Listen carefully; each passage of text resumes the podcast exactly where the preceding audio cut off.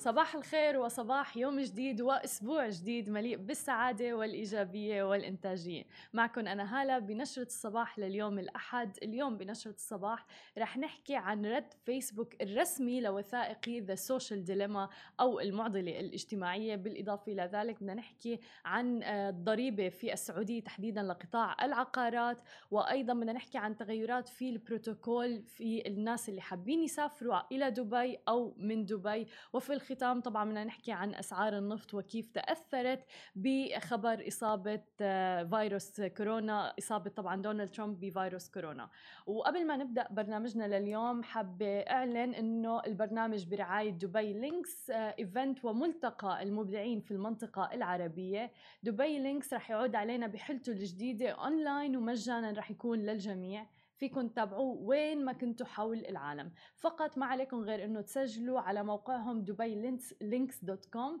آه طبعا لينكس live رح يكون من 5 إلى 7 أكتوبر يعني من يوم غد. فلذلك ما يتروحوا عليكم رح يضم نخبة من المبدعين في المنطقة العربية سواء كان في قطاعات التسويق أو الإعلان marketing advertising وغيرها. وطبعا سماشي تي في هو الشريك الإعلامي للمهرجان وبنتمنى نشوفكم كلكم هناك خلونا نبدأ بأول خبر معنا لليوم. شركة فيسبوك ترد رسميا على وثائقي ذا سوشيال ديليما أو المعضلة الاجتماعية. اللي لاقى مشاهدة عالية جدا على نتفليكس مؤخرا. الوثائقي للي ما حضره هو عبارة عن وثائقي قام به أشخاص كانوا يعملوا في جوجل فيسبوك إنستغرام بنترست وغيرها. وتحدثوا بالتفصيل عن كيف بيتم تصميم هاي المنصات لتصبح إدمان وكيف بتأثر على طريقة تفكيرنا وباختصار يعني كل مساوئ ال social media وهذه المنصات. طبعا اللي خلت الناس يأدمنوا على اللايكات وغيره.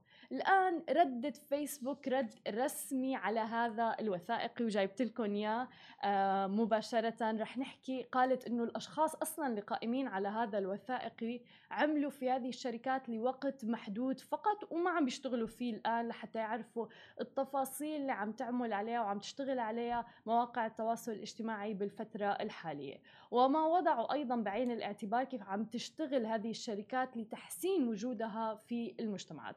ولكن خلينا نمرق عليهم خطوة خطوة ونقطة نقطة. أولا خلينا نحكي بموضوع الإدمان. مواقع التواصل الاجتماعي قالوا أنه آه، عم بيتم تصميمها لتصبح إدمان.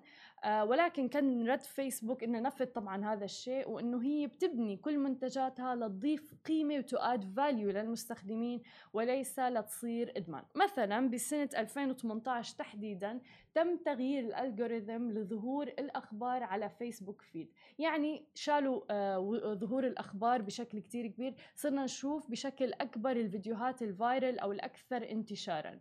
مما أدى إلى انخفاض ساعات المشاهدة إلى 50 مليون ساعة طبعا بحسب قولهم يوميا. وغير إنهم أيضا بيتعاونوا مع اخصائيين نفسيين للحفاظ على الصحة النفسية للأفراد. فمثل ما عم نشوف عم بتقول فيسبوك إنه ب 2018 غيرت ال algorithm تبعها. بطلنا نشوف أخبار بشكل كتير كبير على ال news feed تبعنا ولكن صرنا عم نشوف أكثر الفيديوهات ال viral وهذا بحسب قولها إنه ب 2018 آه انخفضت نسبة المشاهدة 50 مليون آه مشاهد آه يوميا وهذا يعني يعني عدد جدا جدا كبير. ولكن إذا بدنا ننتقل للنقطة الثانية اللي ناقشوها بالنسبة إنه في الوثائق قالوا إنه نحن الأفراد نحن المنتج لمواقع التواصل الاجتماعي واهتمامنا هو أيضا المنتج والوقت اللي بنقضيه على مواقع التواصل الاجتماعي. ردت فيسبوك ونفت هذا الشيء تماما وقالت إنه هو فيسبوك هي مكان مدعم بالإعلانات اللي بدورها أيضا عم تدعم الشركات والمشاريع. وهي منصة مجانية مجانية للأفراد. وطبعا إذا بدنا ننتقل للنقطة الأهم اللي هي الداتا والخصوصية فأيضا ردت على هذا الموضوع فيسبوك وقالت أيضا أنه هي كانت تعمل بشكل دائم وبشكل متواصل لحماية خصوصية الأفراد. ولكن طبعا أنا شخصيا برأيي إذا أنت أونلاين فأكيد جانب كبير من الخصوصية من حياتنا راح. بالإضافة إلى ذلك ناقشت فيسبوك بنقاط أخرى موضوع ال misinformation أو المعلومات ال fake أو الأخبار الغير صحيحة وردت على هذا الموضوع وقالت أنه الآن عم بيعملوا على آه، تصحيح كل المعلومات وبيعطي إشعارات فيسبوك أو إنستغرام لأنه طبعا آه، فيسبوك هي الشركة الأم لإنستغرام وغيرها من مواقع التواصل الاجتماعي مثل واتساب أيضا قالت أنه هن عم بيعملوا على وضع إشعارات في حال كان في خبر فيك أو مغلوط أو غير صحيح فبيطلع إشعار للمستخدم من التحقق من هذا الخبر بالإضافة إلى ذلك أيضا ردت فيسبوك رد رسمي على موضوع الانتخابات لأنه هذا الموضوع بيلعب دور كتير كبير في الولايات المتحدة الأمريكية وقالت أيضا إنه ما رح تسمح لمواقع التواصل الاجتماعي إنها تلعب بآراء الآخرين ويعني طريقة تصويتهم تحديدا في الانتخابات الأمريكية.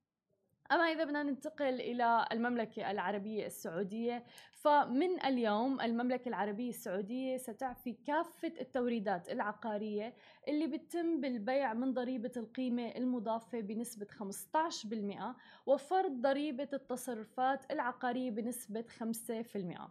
ماذا نعني بالتوريدات العقارية؟ يعني أي تصرف قانوني ناقل لملكية العقار أو لحيازته يعني على سبيل المثال البيع، الهبة، الوصية، المقايضة والإجارة وأيضا الإيجار التمويلي ونقل حصص في الشركات العقارية ورح يتم زيادة قيمة المبلغ اللي رح تتحمله الدولة كمقابل للضريبة المستحقة عن المسكن الأول للمواطنين. كان سابقا 250 ألف ريال. الآن رح يكون مليون ريال سعودي مع أيضا تطبيق التحمل على ضريبة التصرفات العقارية. كل هذه التسهيلات عم نشوفها لجذب الاستثمار في المملكة العربية السعودية وأيضا يعني كل التسهيلات طبعا بسبب ظروف كورونا وكل ما حالت عليه تداعيات فيروس كورونا أما إذا بدنا ننتقل لخبرنا الآخر عن التغيرات في البروتوكول عن السفر إلى دبي ومن دبي.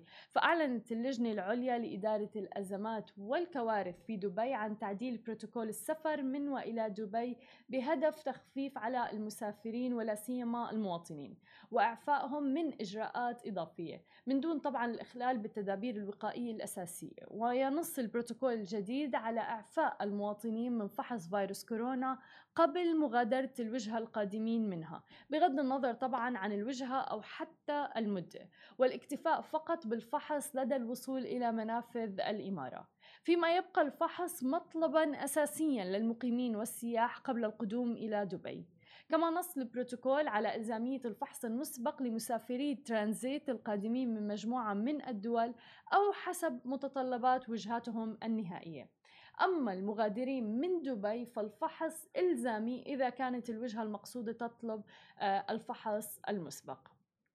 أما خبرنا الأخير لليوم فأكيد لازم نتطرق لموضوع أسعار النفط وكيف تأثرت بخبر آه، يعني إصابة آه، دونالد ترامب الرئيس الأمريكي بفيروس كورونا.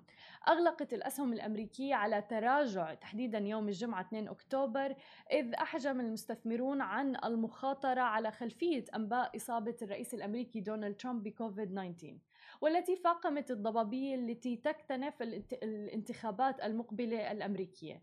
انخفضت تحديدا أسعار النفط بأكثر من 4% تحديدا يوم الجمعة 2 أكتوبر.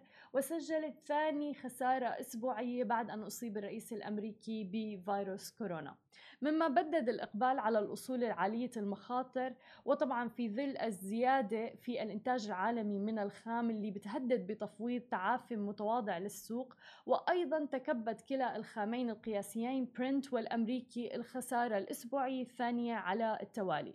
وجاءت الضبابية التي تكتنف الحال الصحي للرئيس الأمريكي دونالد ترامب إلى جانب سلسلة من مباعث القلق اللي من بينها بيانات ضعيفة للبطالة في الولايات المتحدة الأمريكية زيادة في الإمدادات من كبار منتجي النفط في العالم. ونزل خام برنت 1.66 دولار بما يعادل 4.1 في المئة إلى 39.27 دولار للبرميل الواحد عند التسوية. وعلى أساس أسبوعي أيضا هبط برنت 7% وطبعا أثار إعلان ترامب إصابته والسيدة الأولى آه، بكوفيد 19 موجات بيع في أسواق الأسهم حول العالم. طبعا لا شك مع تخوف المستثمرين آه، بسبب إعلان إصابة آه، ترامب بفيروس كورونا. فبالتالي شفنا موجة كبيرة من البيع في سوق الأسهم ومما أدى إلى يعني خيمت اللون الأحمر على السوق الأسهم حول العالم تقريبا بالأيام الأخيرة. هذه كانت نشرتنا الصباحية لليوم. ما تنسوا تتابعونا على كل مواقع التواصل الاجتماعي الخاصة بسماشي تي في. تسمعوا البودكاست تبعنا وتنزلوا ال application. نهاركم سعيد.